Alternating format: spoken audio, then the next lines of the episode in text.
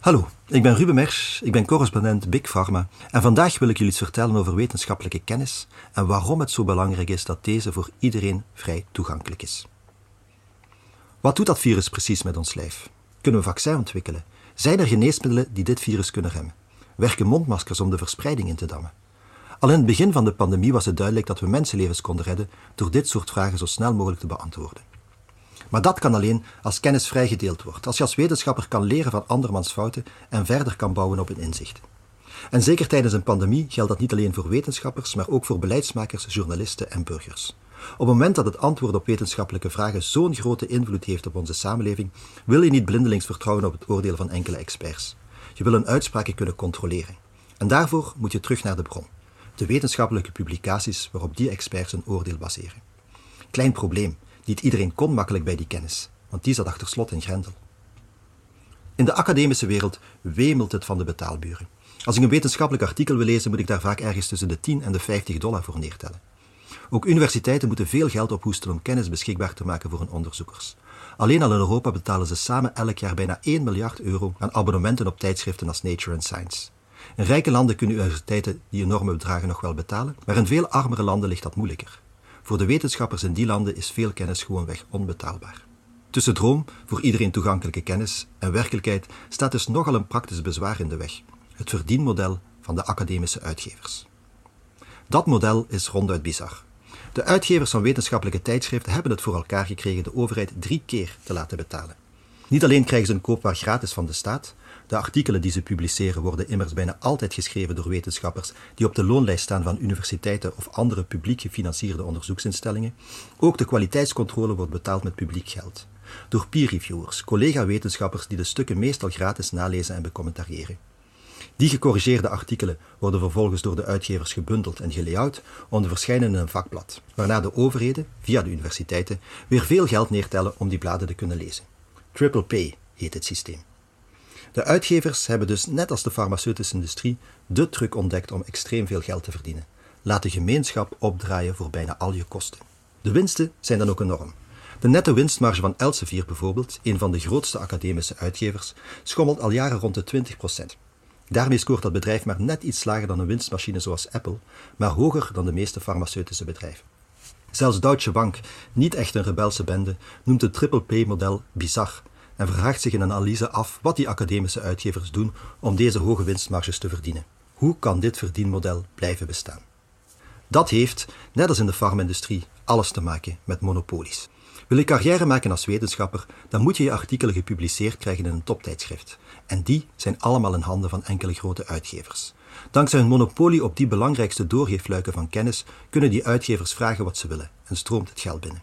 Met al dat geld kopen ze andere tijdschriften op en worden ze nog groter. Het gevolg, meer dan de helft van de markt voor academische tijdschriften, is momenteel in handen van slechts vijf grote spelers. Natuurlijk hebben de uitgevers weinig zin om dit verdienmodel op te geven, toch deden ze het. Een beetje.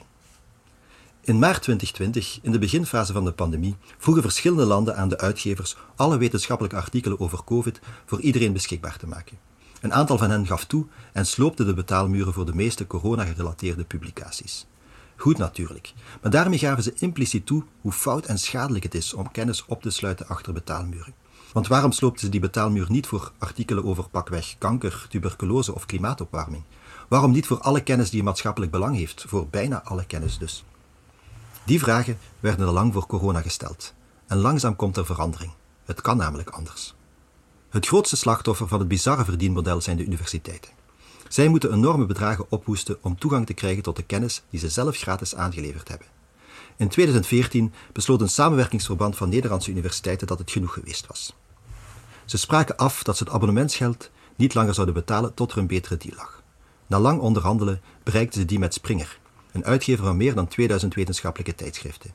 De gezamenlijke universiteiten verlengden een abonnement, maar in ruil daarvoor moest Springer de wetenschappelijke artikelen van Nederlandse wetenschappers in de toekomst voor iedereen vrij toegankelijk maken. Veel andere landen en universiteiten volgden het voorbeeld en sloten gelijkaardige deals met de grote uitgevers. Ook de overheden, die betalen voor de al dat onderzoek, waarvan het resultaat uiteindelijk achter een betaalmuur verdwijnt, gingen in het verzet. In 2018 lanceerde een samenwerkingsverband van nationale onderzoekbureaus en wetenschapsfinanciers uit 12 Europese landen Plan S. Het basisidee Onderzoek dat gefinancierd wordt met publiek geld moet voor iedereen gratis toegankelijk zijn. Als je als wetenschapper betaald wordt met publieke middelen, mag je je onderzoek niet publiceren in een tijdschrift dat het achter een betaalmuur zet. Dat idee kan op steeds meer steun rekenen. Onder andere de Wereldgezondheidsorganisatie en de Bill en Melinda Gates Stichting schaarden zich achter dit initiatief. Dit verzet werpt langzaam maar zeker zijn vruchten af. Meer dan een kwart van de wetenschappelijke publicaties is momenteel al vrij toegankelijk. Nederland scoort nog beter. In 2020 was 71% van de artikelen geschreven door een Nederlandse wetenschapper gratis beschikbaar. Toch zijn we er daarmee nog niet. Maar nog steeds bots ik regelmatig op een betaalmuur als ik een wetenschappelijk artikel wil lezen. En ook voor wetenschappers heeft dit nieuwe open access model nadelen. De uitgevers hebben een manier gevonden om ook aan voor iedereen beschikbare kennis geld te verdienen. Je moet als wetenschapper vaak betalen om je artikel in zo'n open tijdschrift te mogen publiceren, de zogenaamde Article Processing Charge. Die kan oplopen tot enkele duizenden euro's. Zeker als beginnende wetenschapper met weinig geld is dat een enorme hap uit je onderzoeksbudget.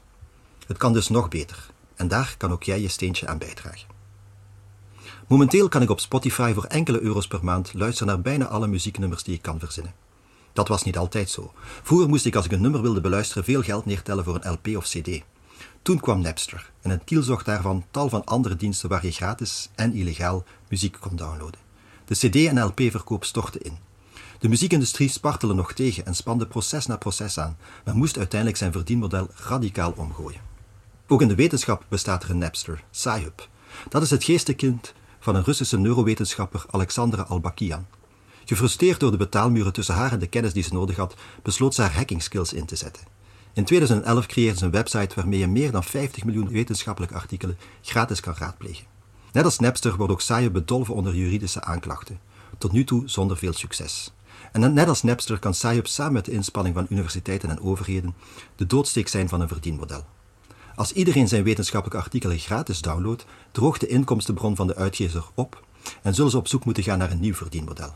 Misschien ontstaat er dus over enkele jaren wel een Spotify voor wetenschap en krijg je voor enkele euro's per maand helemaal legaal toegang tot een enorme hoeveelheid wetenschappelijke kennis.